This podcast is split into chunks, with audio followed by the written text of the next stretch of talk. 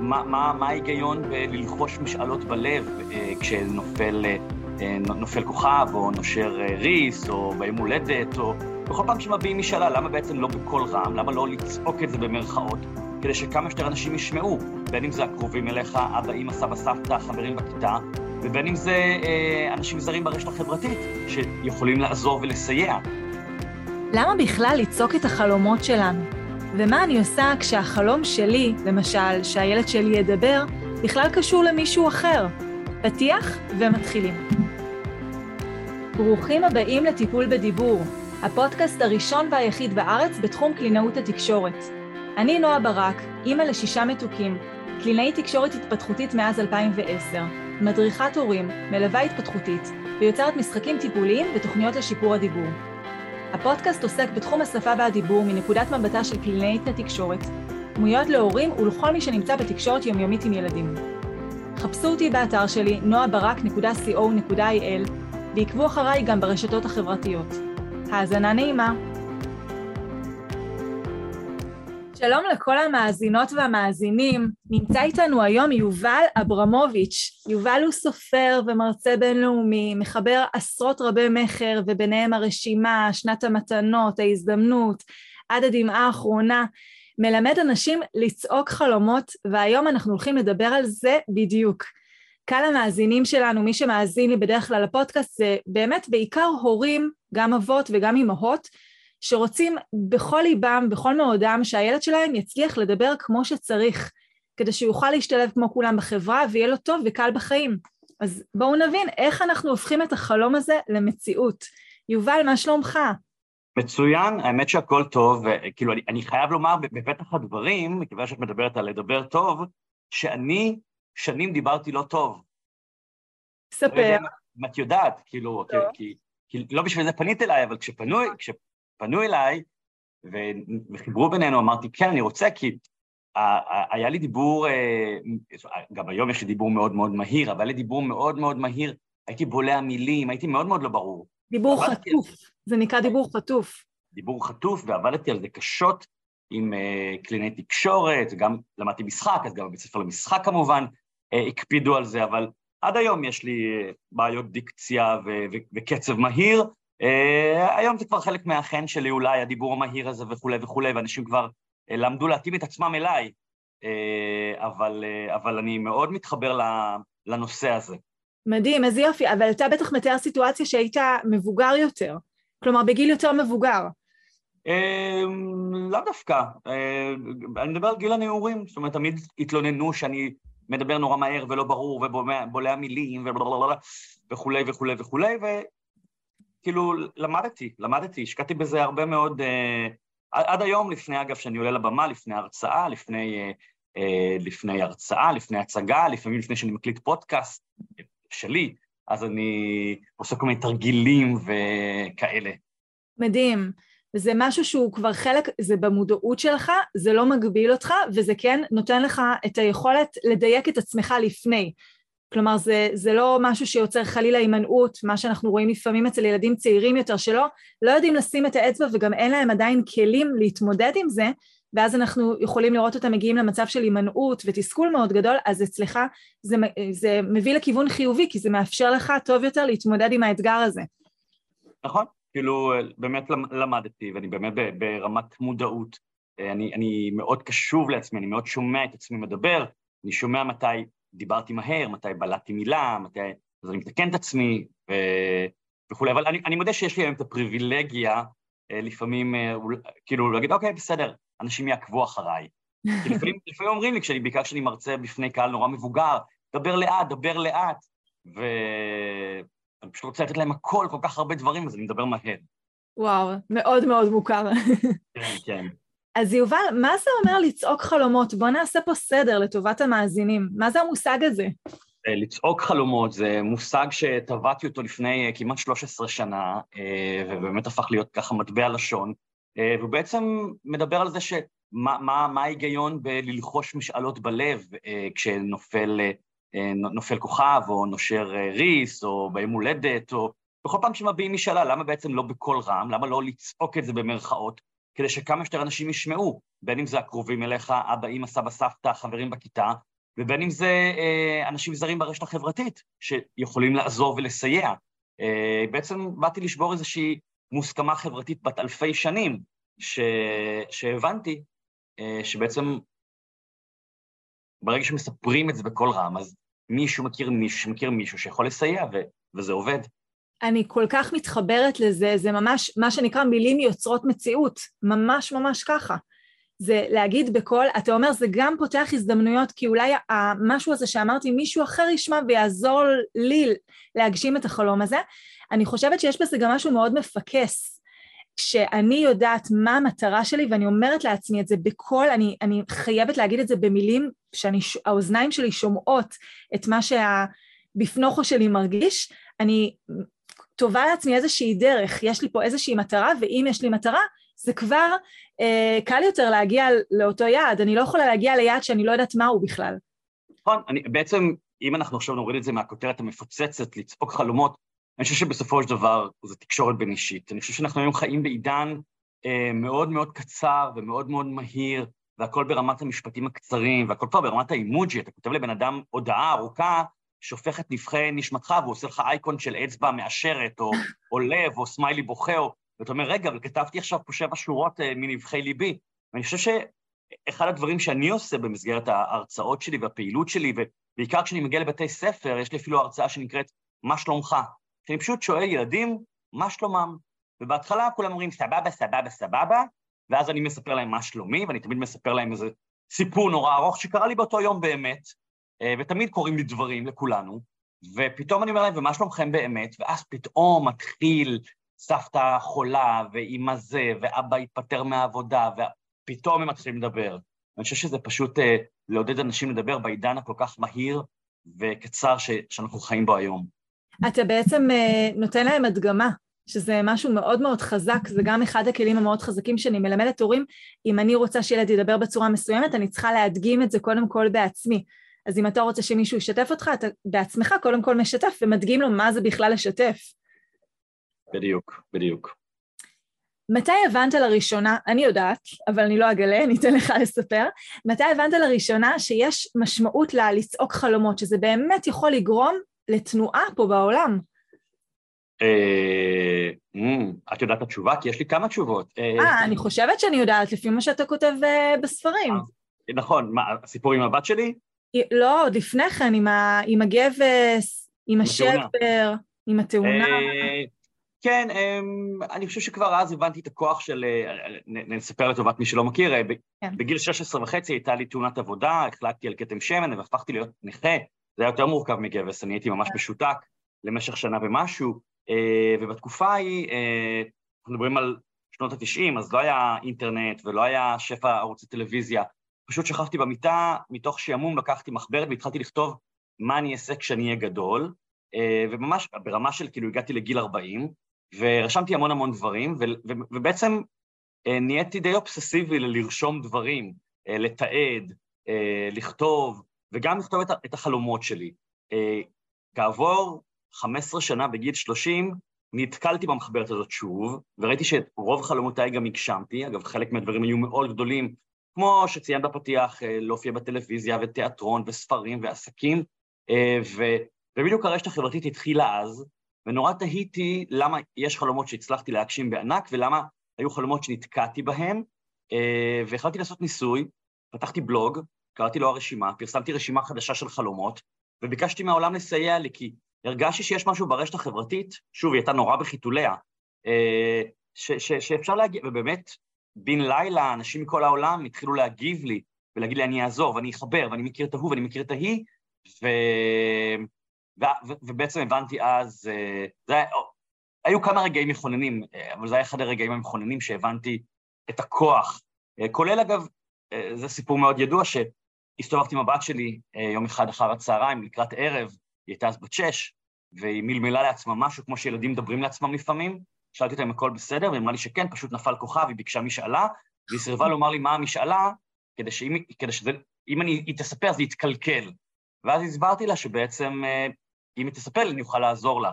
וכל האירועים האלה התגבשו לתוך התובנה הזאת של חלומות צריך לצעוק. ומה הייתה המשאלה? אגב, המשאלה שלה הייתה מקסימה, שהמשפחה תהיה בריאה. אוי, איזה מותק. כן, כן. וואו. לגמרי, ממש ככה. אתה מדבר על לכתוב, בין אם זה להקליד אה, באינטרנט, באיזשהו פוסט משהו, בין אם זה ממש לכתוב עם עט. אני מאוד מתחברת לזה ש...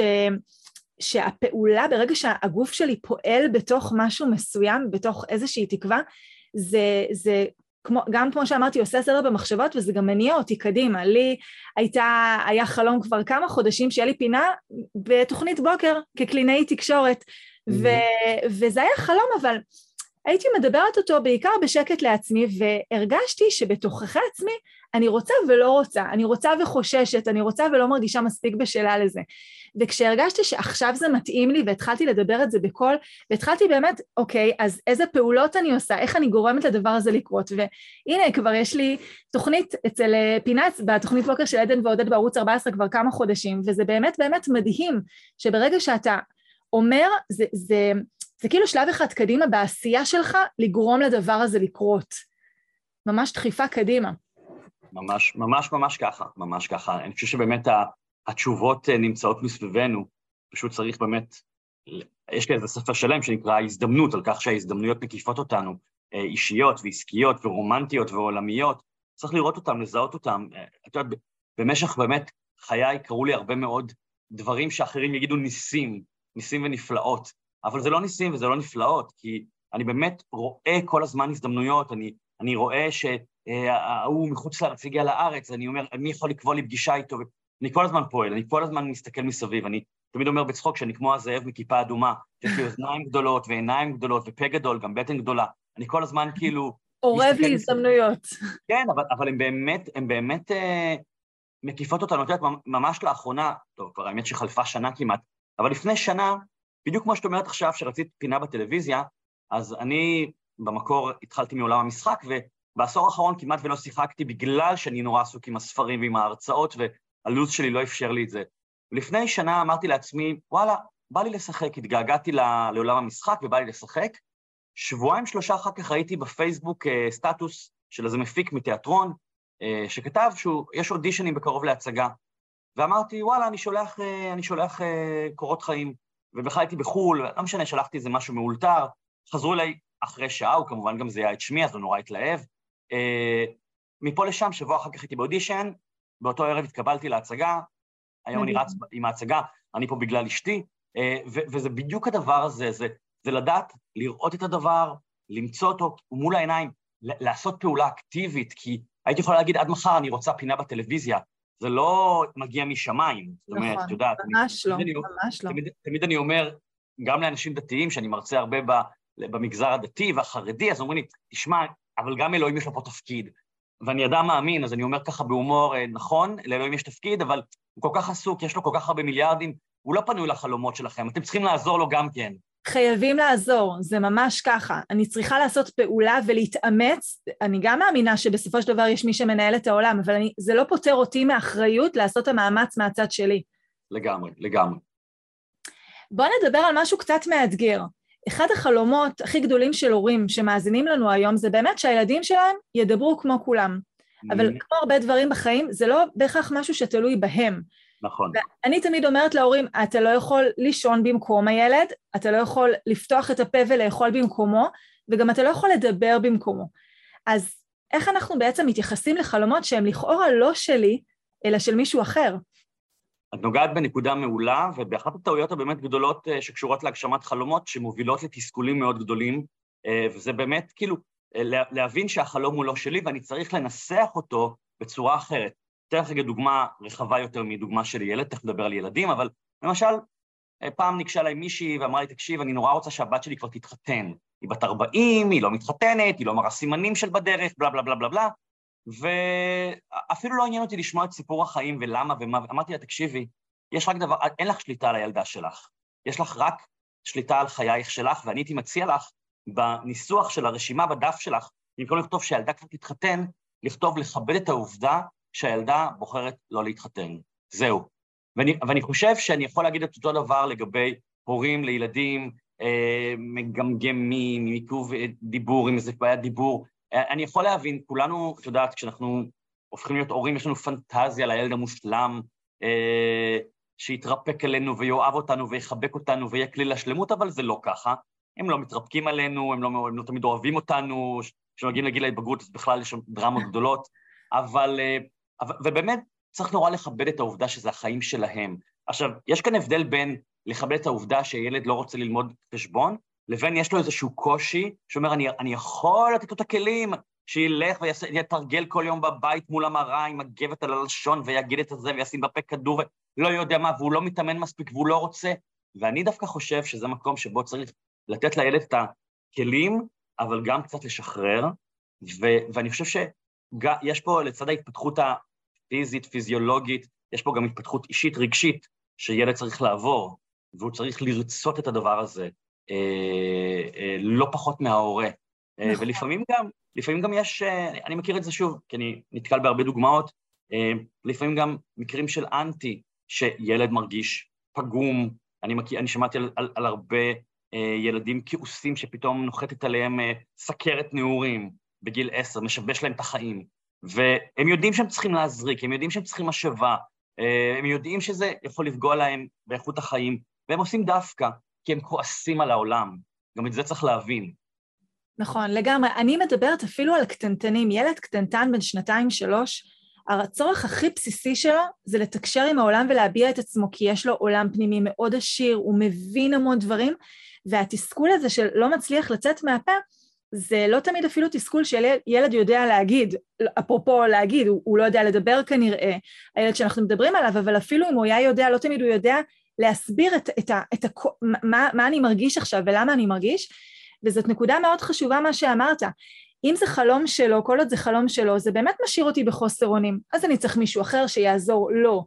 אז אני צריך לחכות לתור שיעזור לו. אבל ברגע שאני הופך את זה לחלום שלי, החלום שלי, שיהיה לי כלים לעזור לילד שלי. החלום שלי, שאני אדע לסייע לו כשהוא נתקע בדיבור, אז אני כבר יכול לעשות את הפעולות. אז אני יכול ללמוד, להבין, לקבל סיוע, לקבל הדרכה, ליווי מקצועי, ואז בסופו של דבר הרי זה, זה יביא לזה שהילד ידבר, אבל אני שיניתי את הכיוון מחשבה. לחלוטין, אני מאוד מאוד מסכים איתך, כן. וזה באמת קצת שונה בין אה, אה, אנשים מבוגרים שהם יודעים מה הם רוצים, ואני רוצה משהו אחר בשבילם, ואז אני יכולה לחשוב על המקרה הזה של האימא, שאולי לחשוב באמת למה כל כך חשוב לי שהיא תתחתן, כי אני רוצה שיהיה לה טוב בחיים, כי אני רוצה שיהיה לה, אה, שהיא תחיה בחברה, שהיא לא תהיה לבד, ואז אם אני אולי משנה את, ה, את החלום שלי או את המחשבה שלי שהילדה שלי לא תהיה לבד, שהילדה שלי תמיד תהיה מוקפת בחברים, אז אה, זה גם משהו שהוא יותר ריאלי וגם משהו שיכול להיות מאוד שהילדה מתחברת אליו, ומתוך זה בעצם אני מגשימה את התקווה הבסיסית שלי, את הרצון הראשון, הבסיסי שקיים שם. כן, אני, אני חושב שעוד דבר uh, שצריך uh, uh, להבין, uh, וכתבתי על זה גם ב, ב, בספר שנקרא הרעיון, שבעצם כולנו מגיעים לעולם הזה עם, עם מנוע שונה אחד מהשני, כמו שיש ברכב מנוע 1400, 1600, 1800, כוח סוס וכולי וכולי, גם, גם לבני האדם יש מנועים שונים. עכשיו, נגיד לי יש מנוע מאוד מאוד מהיר, אני אדם נורא מהיר, עושה דברים נורא מהיר, יודע, יודע לתפעל, יודע להזיז חלומות, יודע להזיז הרים. אני זוכר שבצעירותי אה, לא הייתי מבין אה, קרובים אליי, איך, מה, מה הבעיה, למה את לא זה? כאילו הייתי כועס עליהם. עד שהבנתי שבאיזו שיחה עם חברה שכעסה, אמר לי, אבל אני לא אתה. זה היה בגיל 25, וזה היה רגע מאוד מכונן, אמרתי, אוי, וואו, היא לא אני. כאילו, כאילו לא הבנתי שרק חיצונית היא לא אני, אלא גם פנימית, נפשית. ואני חושב שבאמת אה, גם פה הורים צריכים לזהות את המנוע שיש לילד שלהם, אה, שהוא שונה מהילד הגדול, הוא שונה מה, בוודאי מהמנוע שלהם, וצריכים גם את זה לכבד. נקודה מאוד מאוד משמעותית, מה שאתה אומר פה, זה הבסיס כדי ליצור שינוי. אם אני רוצה לעזור לילד שלי אה, ליצור שינוי ביכולות הדיבור שלו, אני צריכה להתחבר, כמו שאתה אומר, למנוע שלו. יש ילדים שנוח להם יותר לאט. אני, אני בתחילת דרכי כקלינאי תקשורת, אי אז לפני 14 שנה, אה, בין המטופלים הראשונים שהגיעו אליי לקליניקה, אני קלינאית צעירה, ומגיעה בשיא ההתלהבות, וזה הילד ממש קטני בן שנתיים, וככה מתלהבת איתו בטיפול, ושבוע אחר כך, לפני הטיפול, ההורים מתקשרים למכון שעבדתי בו ואומרים שהילד לא כל כך רוצה לבוא, כי הוא אומר שאני מפחידה אותו. עכשיו, mm.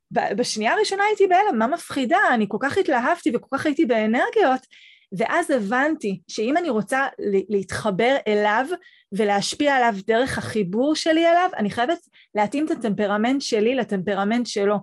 ולילד הזה לא היה מתאים ההרבה והמהיר והקולני, הוא היה צריך יותר רגוע, יותר לאט. וכשאני מתחברת לאדם אחר, אז בעצם אני יכולה באמת לעזור לו להתרומם כלפי מעלה, להוציא אותו. זה כמו משל האינדיק של אה, רבי נחמן מברסלב, אתה בטח מכיר את משל האינדיק, על בן אדם... אה, לא, דווקא לא. לא. אז, אז זה ממש ממש, בדיוק זה, זה בן, אה, בן המלך שהשתגע, מסופר על בן המלך שהשתגע, שחשב שהוא אינדיק, שזה תרנגול הודו, והוא ירד מתחת לשולחן והתחיל לקרקר כמו תרנגול ולאכול גרעינים והתפשט מבגדים, וכל החכמים של המלך ניסו לרפא אותו, ואף כל הרופאים, אף אחד לא הצליח, עד שהגיע איזה חכם, שירד מתחת לשולחן ואמר גם אני תרנגול הודו וככה הם התחילו. בסדר אני תרנגול גם אתה תרנגול הם היו ככה בן המלך הסכים לכבד את ה... לקבל את הנוכחות שלו ואז חכם אחרי כמה ימים אומר אבל אתה יודע מה? אנחנו יכולים להיות uh, תרנגול הודו ועדיין להתלבש. והוא סימן לאנשים מבחוץ שיזרקו לו בגדים. באמת התלבש וגם בן המלך הסכים להתלבש. ואז הוא אומר אתה יודע מה? אנחנו יכולים להיות uh, תרנגול הודו ולאכול אוכל uh, כמו של אנשים אז mm. בסדר, אין בעיה, וככה לאט לאט הוא התחיל, הצליח להוציא אותו מהמקום הזה, עכשיו כשאתה מגיע מלמעלה לבן אדם אתה לא יכול להשפיע עליו, אם אתה רוצה באמת ליצור שינוי, אתה חייב לרדת אליו ומתוך המקום הזה לעזור לו להתרומם. אז זה ממש הנקודה הזאתי. כן. ו... אז בוא, בוא באמת נדבר על איך אנחנו יכולים לגייס תקווה, לגייס אמונה עצמית, אם, עזוב, צעקתי חלומות, ניסיתי דברים, פעלתי ולא הצלחתי. מאיפה הכוח לגייס בשביל הניסיון הבא, בשביל הפעם הבאה? טוב, זו שאלה מאוד עמוקה עם הרבה מאוד תשובות, אז אני אנסה להיות קצר כדי שנספיק להקיף עוד נושאים, אבל אני, אני תמיד אומר לאנשים, דברו עם אנשים שזה כבר קרה להם, זאת אומרת שכבר הגשימו חלום. אני חושב שהדבר הזה הוא, הוא מאוד מאוד חשוב, כי, כי אנחנו מוקפים באנשים שכבר הגשימו את החלום שלנו, להיות בעלי פינה בטלוויזיה, להוציא ספר, לכבוש את ההימאליה, לפגוש את אה, מדונה, אני לא יודע מה. כלומר, ברגע שאני, או, או כמובן לתקן אה, אה, בעיות דיבור, ברגע שאני אדבר לא עם בן אדם אחד, אשמע רק סיפור אחד, אלא אשמע עשרה סיפורים, אקרא ביוגרפיה, יראה סרט בנטפליקס, יראה סרט תיעודי, כלומר, יש, אנחנו מוקפים בעדויות, בגוגל, אה, ואני אגיד, אוקיי, הנה הסיפור של זה, הנה הסיפור של זה, הנה הדרך של זה, אוי, זו דרך מעניינת, אולי זאת הדרך שלנו ולא הדרך הזאתי. אז, אז, אז נקבל כוחות והשראה ולהבין שיש גם כמה מסלולים, אתה יודע, יש כמה מסלולים להגיע להגשמת חלום כזה או אחר. אה, ואני חושב ש... אני יכול להגיד לך שכשאני הייתי בן 30 בערך, היה לי עסק, ובעסק היה אה, מעילה, אחד השותפים מעל והעלים סכום של רבע מיליון שקלים, וואו. סכום כסף מאוד גדול, הייתי אז בן 30, זה מבחינתי היה משהו לסכום של 20 מיליון דולר. באמת לא ידעתי איך אני יוצא מהמשבר הזה. אה, גם לא היה מי שיסייע לי מבחינה, משפ... כאילו, גב כלכלי או משפחתי, אה, הייתי ממש לבד בסיטואציה. ומה עזר לי? לצעוק את החלום או לצעוק את המצוקה שלי. פשוט כתבתי בפייסבוק, ואני יודע שזה לא קל לאנשים לכתוב בפייסבוק תמיד, אבל כתבתי בפייסבוק שנקלעתי לצרה שלא באשמתי, ויש לי חוב מאוד גדול, ואני אשמח לשמוע איך אפשר לפתור את זה. לא ביקשתי כסף, לא ביקשתי נדבה, ביקשתי דרכי פעולה. תוך דקה, קיבלתי אלפי תגובות, בלי הגזמה, מאנשים שכתבו לי, תקשיב, מה זה רבע מיליון? אני לפני שלוש שנים הייתי חייב שני מיליון שקלים, יצאתי מזה אחרי שנה, תצא מזה גם. ובנקאים נתנו לי טיפים, ורואי חשבון נתנו לי טיפים, ועורכי דין נתנו לי טיפים, ומלא מלא אנשים, כולל אנשים שאומרים לי, בוא ניפגש, בוא נדבר, בוא זה, אני אייצג אותך. ואספתי את כל המידע הזה, בניתי תוכנית פעולה, מצאתי איזשהו עורך דין אה, נורא נחמד שאמר לי, בוא, אני אעזור לך, אני לא אקח ממך כסף כרגע, אני אפעל על בסיס הצלחה ועל אחוזים, וכך היה. תוך ארבעה חודשים, הסיפור הזה היה מאחוריי. הכסף חזר אליי, אותו גורם מחבל הוצא מהעסק, הלכתי לבית משפט, אה, חלק מהספקים אמרו לי, יאללה, אני אוותר לך על החוב, זה חוב קטן, במצטבר הוא היה נורא גדול, אבל פר אדם הוא היה נורא קטן. וארבעה חודשים, והייתי מאחורי הסיפור הזה.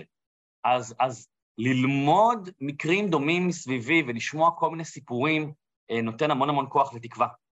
זה כמו שאומרים, it takes a village to raise a child, זה it takes a village to raise myself, זה לא רק מישהו אחר, זה, זה כמה אני נעזר מבחוץ, כל, אפילו אמירה קטנה שהיא אולי חסרת משמעות למי שאומר אותה, כמה היא יכולה להיות משמעותית עבורי, שמי כן. ששומע. בוא נדבר על האבהות שלך, כאבא בעצמך, לשתי בנות. איך המקום הזה של לצעוק חלומות בא לידי ביטוי באבהות שלך? מאיזה גיל לימדת את הבנות לצעוק חלומות? קודם כל יש לי שתי בנות מקסימות מאוד, שירה שהיא בת לקראת 15, ונוגה שהיא בת תשע וחצי. שתי ילדות מקסימות וחמודות ונורמליות במובן הטוב והרע. כן. ילד. אה, ואני, אני, תראי, אני, אה, אני מאוד מאמין בחינוך, אה, את יודעת, בחינוך יש כל מיני גישות וכל מיני אסכולות, ויש מושג שנקרא חינוך מכוון וחינוך אקראי. חינוך מכוון זה נגיד המורה נכנסת לכיתה ומלמדת עכשיו שיעור גיאוגרפיה או היסטוריה. אז אם תכננה מערך שיעור ללמד על הרצל, אבל יש עוד דבר מאוד חשוב, יותר חשוב בעיניי, וזה הלימוד האקראי. כלומר, האופן שבו המורה מדברת עם הכיתה, אל הכיתה, האופן שבו היא מתמודדת עם הפרעה, אה, האופן שבו היא מתלבשת, המון דברים. אז אני, אה, כמובן, כמו כל הורה, לפעמים מוצא את עצמי נואם נאומים של אבל את צריכה ככה וככה וככה, מה שנקרא אה, אה, אה, חינוך מכוון, שלרוב הוא, הוא נתקל בכזה, אוף, עוד, פעם חפירה של אבא, ויש את, ה, את החינוך הלכאורה אקראי, שבהם הן רואות, הן רואות אבא עושה דברים, הן רואות אבא בעשייה, הן רואות אבא בהגשמת חלום, הן רואות אבא בהצלחה, הן רואות גם אבא לפעמים בקשיים או ב...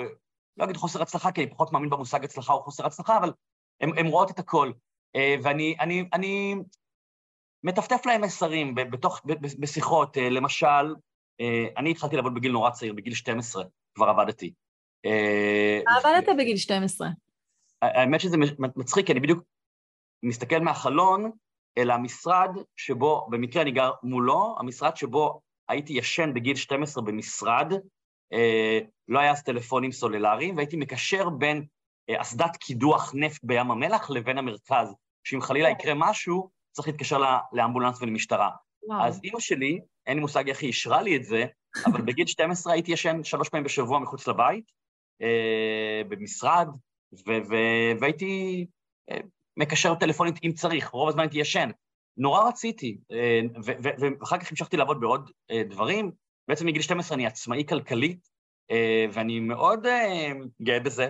אני חושב שזה פיתח בי המון יכולות, כולל הבנה על כסף. והבנות שלי שמעו מגיל נורא נורא צעיר כמה זה כיף לעבוד, כמה זה כיף לעבוד בדברים שאתה אוהב, כמה זה כיף להיות עצמאיים. הבנות שלי יודעות כמה זה כיף באיזשהו שלב בחיים, בשלב מוקדם, לצאת ולגור עם שותפים. איזה כיף זה לגור עם שותפים, איזה כיף זה לגור עם חברים, איזה כיף זה שלא מעירים לך להרים את המגבת באמבטיה, אה, וגם איזה באסה ששוכחים לשלם את החשמל, כי אז אין חשמל אה, בבית. והן יודעות ש, שאני מעודד אותן בגיל 21 פלוס מינוס אחרי הצבא, לצאת מהבית. עכשיו, הם לא, הם לא יגורשו מהבית, אבל אנחנו היום בעידן שילדים נמצאים בבית על גיל 30, זה מאוד מעכב אה, בהמון מובנים, אז, אז הם, הם שומעות ממני כל מיני סיפורים שכאלו, ואני מעודד אותם אה, ונותן להם רוח גבית, הן יודעות שאני מאחוריהן, הן יודעות שאני אה, תמיד אשמח לייעץ ולתת להם עצות, אה, אבל באופן טבעי כל ילד דוחה את העצות של הוריו ומעדיף עצות של אחרים, אז נכון. למרות שאני, אנשים באים לשמוע אותי בהרצאות וקוראים את הספרים שלי, הם קצת פחות אה, בעניין, אה, בשלב הזה של חייהן, אולי הם יגלו אותי בהמשך, אה, מבחינת התכנים שלי, אה, אבל אבל אני, אני חושב שהן רואות פשוט אדם שחי את החלום שלו, שחי את החלומות שלו, ו... ושגם יודע לשים את עצמו לפעמים לפני כולם, כולל לפני הבנות. כלומר, אני יכול להגיד להם, בנות, תמו שידורנו לערב זה, אני רוצה קצת שקט, עכשיו זה הזמן שלי, או היום אני יוצא עם חברים היום בערב, אני צריך זמן לעצמי, או כל מיני, או שאני יכול לנסוע לחופשה בלעדיהן, כי אני זקוק לחופשה. וואו, זה כל כך כל כך חשוב לזכור את עצמי כהורה בתוך המרוץ הזה, כי לפני שאנחנו הורים, אנחנו באמת, אנחנו לעצמנו. אני עושה, בסופו של דבר זה רק השלכות של, שלי, עליי, מה אני עושה, מתי אני רוצה, ופתאום אתה צריך, אתה אחראי לנפש נוספת, לאדם נוסף, ואתה צריך לזכור גם את עצמך פה, כי, כי זה נורא קל ללכת שם לאיבוד. ולהקריב את עצמי ולבטל את עצמי בשביל מישהו אחר, ואז אתה נשאר מרוקן, וכשאתה מרוקן, אז אין לך את היכולת אה, להעביר הלאה.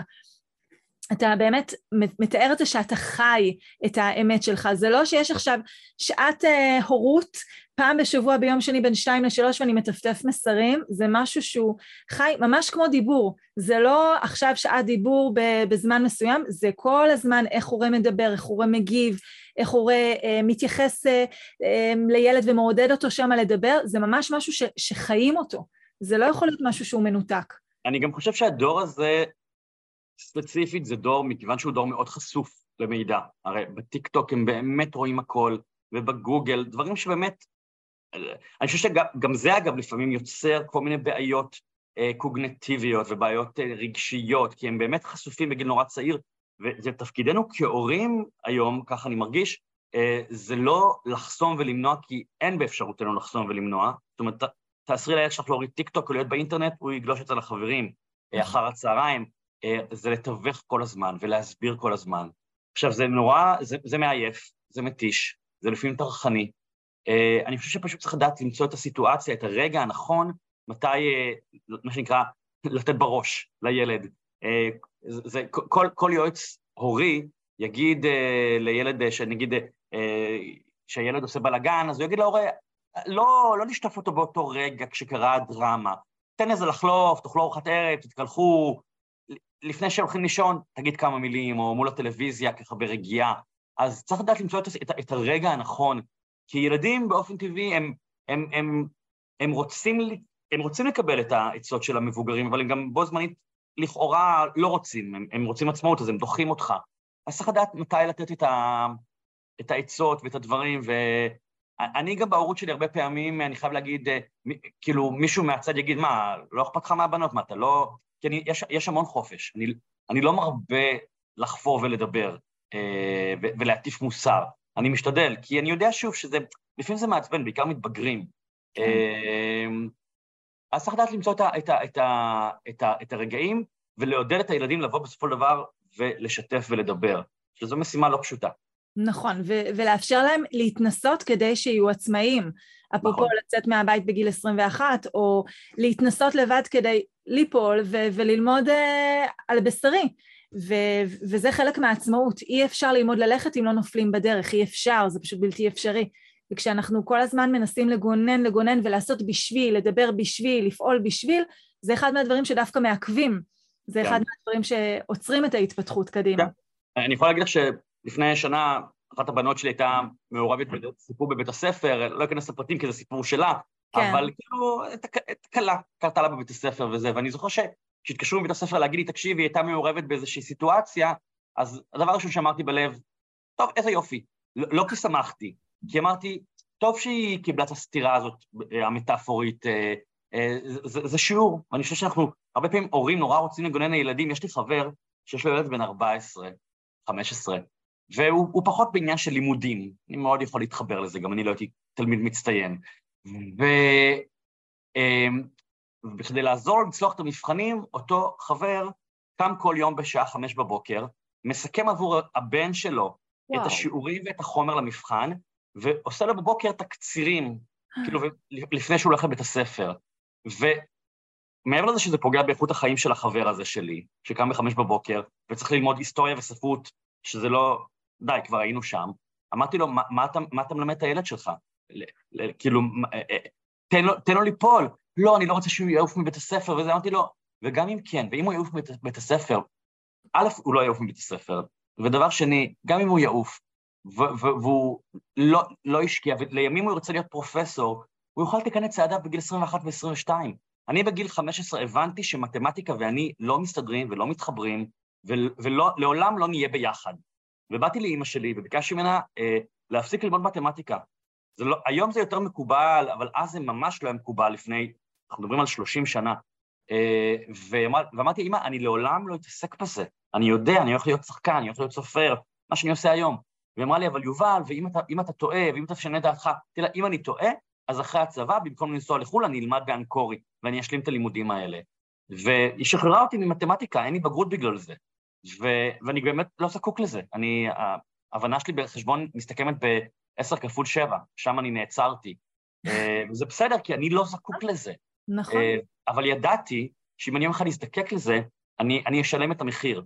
גם היום, אם אני אחליט פתאום בואכה גיל 50 שבא לי ללמוד, לא יודע, משהו ריאלי, ואני צריך לצ... לצורך זה בגרות, אני אעשה את זה. נכון. באמת הדוגמה הזאת שאתה מתאר על החבר, אז בוא נגיד עכשיו הוא הציל אותו מלעוף מבית ספר, אבל מה יהיה בעוד עשר שנים כשהוא יגיע למקום עבודה ולא יתחשק לו, אז מה, אבא יבוא ויעבוד בשבילו? כלומר, את הכאפה הזאת הוא יקבל כנראה מתישהו, אז עדיף שהוא יקבל אותה בחממה הביתית, כשיש אה, מי שתומך בו, מי שיכול לעזור לו להתרומם, מאשר שזה יקרה בגיל 30, וכאילו בן אדם בן 30 שנופל זה הרבה יותר קשה. ממש. וזה לא שאנחנו רוצים שהם ייפלו, ממש לא, אבל אנחנו רוצים לאפשר להם לצעוד בדרך הזאת ולהבין בשביל עצמם מה נכון להם, ולא מראש לשלול ולא כל הזמן, כל הזמן לעטוף, כי זה שלנו, זה לא שלהם. אמת, כן. אז באמת, מדהים, אני חושבת שממש אה, שיח מאוד מאוד אה, מעורר השראה לדבר איתך. בואו באמת אה, נסכם ככה פרקטי למאזינים שלנו. יש לי חלום בשביל הילד, משהו שיקרה עם הילד, אז קודם כל אני צריך להבין איפה החלום שלי בתוך הדבר הזה, mm-hmm. מה החלק שלי לפעול פה, ואחר כך... ואח, ואחר כך לתת לו, זאת אומרת, גם להבין, אחר כך לשוחח איתו, להבין את הרצון ואת הצורך של הילד, זאת אומרת, תראי, את יודעת מה, זה כמו, אה, כשהייתי צעיר היו לי שיניים אה, קצת עקומות, עד, עד היום יש לי. למה? כי אימא שלי אמרה לי, אתה רוצה פלטה? ובוא, לא, היא אמרה לי, בוא נעשה פלטה. עכשיו, עכשיו, באותם שנים, שוב, 30 שנה, זה לא היה את כל הפלטות של היום, כל ה... אה, את יודעת, כבר שזה אסתטיקה. כן. זה היה כל ה... כמו איזה סוס כזה, אתה הולך עם משהו מטורף. כן. אמרתי לה, אני לא רוצה. אמרתי לי, אבל יהיה לך שיניים, ואתה רוצה להיות שחקן, וזה, אמרתי לה, אני לא רוצה. עכשיו, יש לי שיניים בסך הכל בסדר, הם לא, את יודעת, של כוכב קולנוע בהוליווד. למרות שגם לזה יש היום פתרונות, ציפויים, נכון. עניינים. לא הפריע לי, לא הפריע לי אז, לא הפריע לי היום. אמרתי לה, אני לא רוצה. אבי אמר לי, אבל אם תרצה, אז מה, בגיל 25 תהיה עם רסן? אמרתי לה, כנראה אני לא ארצה. אגב, אם הייתי רוצה, אז הייתי, כאילו, הולך עם זה. יהודה לוי, בגיל 30, הלך עם, אה, עם פלטה, כאילו, כדי ליישר את השיניים שלו. אז, אז אני אומר, אני חושב שנורא צריכים להקשיב ל, לרצון של הילד, ואני אגיד עוד משהו בנושא, גם לזהות את התשוקה שלו לדבר. כי אני, אני משוחח איתך ומאחוריי נמצא פסנתר, וזה פסנתר ילדותי, שעבר איתי מילדותי, ולימים הבת שלי הגדולה, שהייתה בת שבע, רצתה לנגן בפסנתר. עכשיו, כמעט כל ילד עובר את השלב הזה שהוא רוצה פסנתר, לנגן בפסנתר. אז כמובן אמרתי לה, פסנתר יש, מצאנו לה מורה, והתחילה ללמוד, והמורה אמרה, וואי, יש לילדה אוזן ויש לה כישרון טבעי, אבל היא לא מתאמנת מספיק. אז התחלנו כמו כל הורה, תתאמני, תתאמני, תתאמני, תתאמני, והיא לא התאמנה, אז, והמורה אמרה, תראו, אני לא יכולה להתקדם איתה, אמרנו, טוב, המורה גרועה, החלפנו את המורה, הגיע מורה. הוא אמר, וואו, זו ילדה מוכשרת וזה ופה ושם. וכנ"ל, שוב פעם, לופים, תלמדי, תלמדי. ואז אמרתי, רגע, הרי מישהו שרוצה לעשות משהו בכל מאודו, רוצה לתקן פגם, רוצה לרדת במשקל, רוצה לכתוב ספר, יעשה הכל אם, אם זה בוער בו. יכול להיות שאין בה את הבעירה הזאת כרגע. אמרתי, תגידי, שירה, יש לך תשוקה לנגן פסנתר? או שזה סתם פנטזיה, ראית חברה, אז היא הייתה קטנה, אמרה לי, מה זה תשוקה? תראה, תשוקה זה מה שאתה רוצה לעשות כל הזמן. למשל, מה אני כל הזמן רוצה לעשות? אמר לי לכתוב, נכון, אמרתי, נכון, אני כל רגע פנוי, פותח לפטופ וכותב עוד פסקה ועוד פסקה, ולכן הספקתי גם לכתוב כל כך הרבה ספרים. אמרתי לה, את, את רוצה לנגן פסנתר? כי אם לא, לא חייבים. זאת אומרת, עכשיו, אם הייתה אומרת לי שקשה לה, זה משהו אחר, אני לא הייתי מוותר לה. הייתי אומר לה, אוקיי, בואי נעבור את הקושי. אבל היא לא רצתה פסנתר, היא רצתה לטעום את זה. טעמה, לא דיבר אליה. ואני חושבת, אתה מנגן בפסנתר. לא כאילו, אני כבר לא לומד, אבל אני מנגן בסדר, כן. כן, לא, אבל, אבל הנוכחות של הפסנתר בבית היא בגלל שאתה משתמש בו. גם, גם, זה יותר היום כבר אה, דקורציה. רהיט, כן. אני חושבת באמת ש... אה, תראה, זה קצת טריקי, כי יש פה עניין של, אתה אומר, יש חלון הזדמנויות, כשהמוח צעיר, הרבה יותר קל לו ללמוד דברים, ולפעמים ילד לא יודע, ואחר כך הוא מתבאס, למה לא דחפת אותי יותר לעשות את הדבר הזה? מה אני יודע מה זה? אז אה, זה באמת, זה, זה איזון כזה מאוד מאוד עדין, אבל אני חושבת שנניח, אה, אם, אם הורה אחר, לא אתה, מבחינתו אה, ניגון בפסנתר זה משהו שהוא מאוד מאוד בעל ערך, והוא כן מאוד היה רוצה בשביל הילד, שוב, אני לא מכריחה, אני אף פעם לא יכולה להכריח, אבל אה, אפילו אם אני מגבירה את הנוכחות של הפסנתר בבית בזה שאני מנגנת יותר, ופתאום באים אנשים ושרים ביחד ואני מנגנת, ואני ממציאה כל מיני מנגינות, אז זה יכול כאילו להעלות את החשק אצל הילד לרצות לעשות את הדבר הזה. ואז זה אפרופו החלום, זה כאילו, זה החלום שלי שיהיה לו תיאבון, אז איך אני יוצר אצלו את התיאבון? אני בעצם מראה, כלומר, אני יוצר הזדמנות שיהיה לו תיאבון, מה הוא עושה עם זה אחר כך זה כבר שלו. Yeah. אבל זה, זה השילוב בעצם בין החלומות שלי לחלום של הילד. כן, אני, אני חושב ששוב, תראי, כשיש אה, ילד עם, עם קושי, עם פגם, אז, אז, אז, אז כהורה אתה רוצה באופן טבעי לגונן עליו, ש, שיהיה לו נכון. קל בעולם הזה ושיצליח ו, וכולי וכולי, אבל, אבל שוב, באמת, לפעמים יש אנשים, ילדים גם, תראי, בואי, אנחנו אומרים ילדים ילדים והתפתחות איטית וחוסר הבנה של דברים, אבל יש לילדים כוחות על לא פחות משל מבוגרים. אני, אני הרבה פעמים שואף כוחות מהבנות שלי, ואני לומד מהבנות שלי הרבה מאוד דברים. אני עכשיו שובר את הטיקטוק, כמו שאומרים, בזכות הבנות שלי. כבוד. כן. מרשים. אז אני חושב שגם צריכים להיות באמת, כאילו, לא לזלזל ברצונות של ילדים. זאת אומרת... לגמרי. הם, הם, הם, הם, הם הרבה פעמים יודעים, כמו, שוב, תלוי גיל כמובן, אבל צריכים להיות קשובים אליהם ולרצונות. נכון. ואני חושב שיש איזה משפט שחברה אמרה לי לפני הרבה מאוד שנים שהייתי בתקופת הדייטים של חיי, ואז תמיד יש את המשחק העדין הזה של, רגע, אה, להתקשר, לא להתקשר אחרי הדייט, תתקשרו אליי, לא התקשרו אליי, אני השארתי הודעה. אז היא אמרה לי משפט נורא יפה, היא אמרה לי, הודף, רודף, רודף, הודף. כלומר, mm-hmm. הצד שהודף, הצד שרודף, השני הודף אותו, וכשאתה אה, הודף, אז השני רודף. אני חושב שזה משחק מאוד מאוד עדין, והוא נכון ליחסים בכלל בין בני אדם. כשאתה לוחץ על ילד, אז הוא באופן טבעי... נכון. זה. וכשאתה קצת מרפה, אז הוא פתאום מתחיל אה, לזוז קדימה. זה ליצור הזדמנויות, זה ממש ככה, זה מה שאני כל הזמן מלמדת הורים. אל תדחפו בכוח, זה לאפשר פתח להזדמנות, זה להדגים ולעצור, לתת לו מקום להיכנס שם, זה לחזור רגע עוד פעם על מה שאמרתי ולתת לו את ההזדמנות להגיב, זה ממש לזרוע שם הזדמנויות. ככל שנזרע יותר הזדמנויות זה כמו תפריט, אני מגישה לארוחה, ככל שיש בה יותר סוגים, יש יותר סיכוי שהוא ייקח משהו מתוך זה יתחבר והוא יאכל. אז התפקיד שלי זה להציע, להציע, להתאים לו, כדי ש... להגדיל את הסיכוי שהוא ייקח שם ויאכל. יובל, תודה רבה, היה ממש עונג לפגוש אותך, לשוחח איתך. תודה רבה שהגעת להתארח בפודקאסט טיפול בדיבור. בשמחה, תודה לך על ההזמנה, ואני מזמין את כל מי שהקשיב ורוצה לשמוע עוד ממני, אז גם לי יש פודקאסט שנקרא מעבדה להגשמת חלומות, ומוזמנים ומוזמנות כן. להקשיב לו גם. בטוח, מומלץ בחום. תודה, תודה רבה. תודה רבה, להתראות. תודה שהאזנתם לעוד פרק בפודקאסט טיפול בדיבור. רוצים לקבל כלים מיידיים ולעזור לילדים שלכם לדבר טוב יותר כבר עכשיו? שילחו הודעה לנייד 050-769-4841 ואולי נדבר בקרוב.